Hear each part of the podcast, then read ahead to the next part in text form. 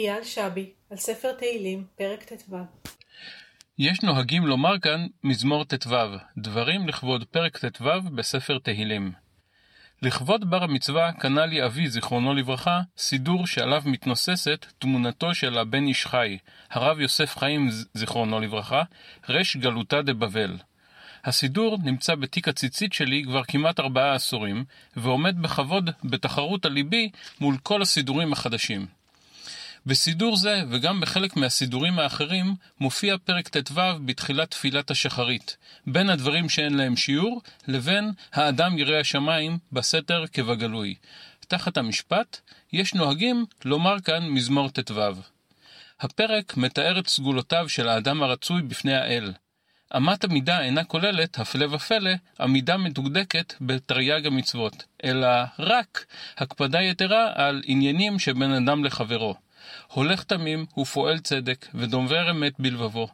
לא רגל על לשונו, לא עשה לרעהו רעה, וחרפה לא נשא על קרובו. כספו לא נתן בנשך, ושוחד על נקי לא לקח. עושה אלה לא ימות לעולם. כמו נביאי בית ראשון, משורר תהילים מבהיר, כדי שהאדם יהיה רצוי בפני האל, תנאי מקדים והכרחי הוא שיהיה רצוי בפני אדם. מוזר, אך עד כה זכיתי לשמוע את הפרק נאמר בתפילת שחרית רק בבית כנסת אחד מבין כל אלו שכף רגלי דרכה בהם בימי חלדי.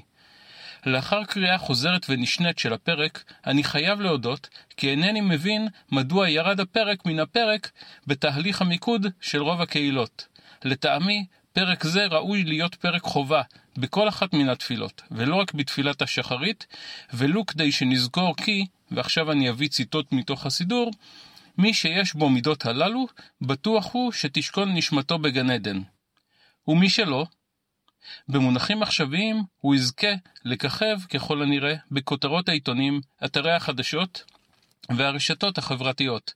גהנום נורא לא פחות מן המקור. דברים אלו מוקדשים לעילוי נשמת אבי, משה בן פרחה ואברהם, הולך תמים ופועל צדק ודובר אמת בלבבו, שהלך לעולמו ביום כ"ג בכסלו תש"פ.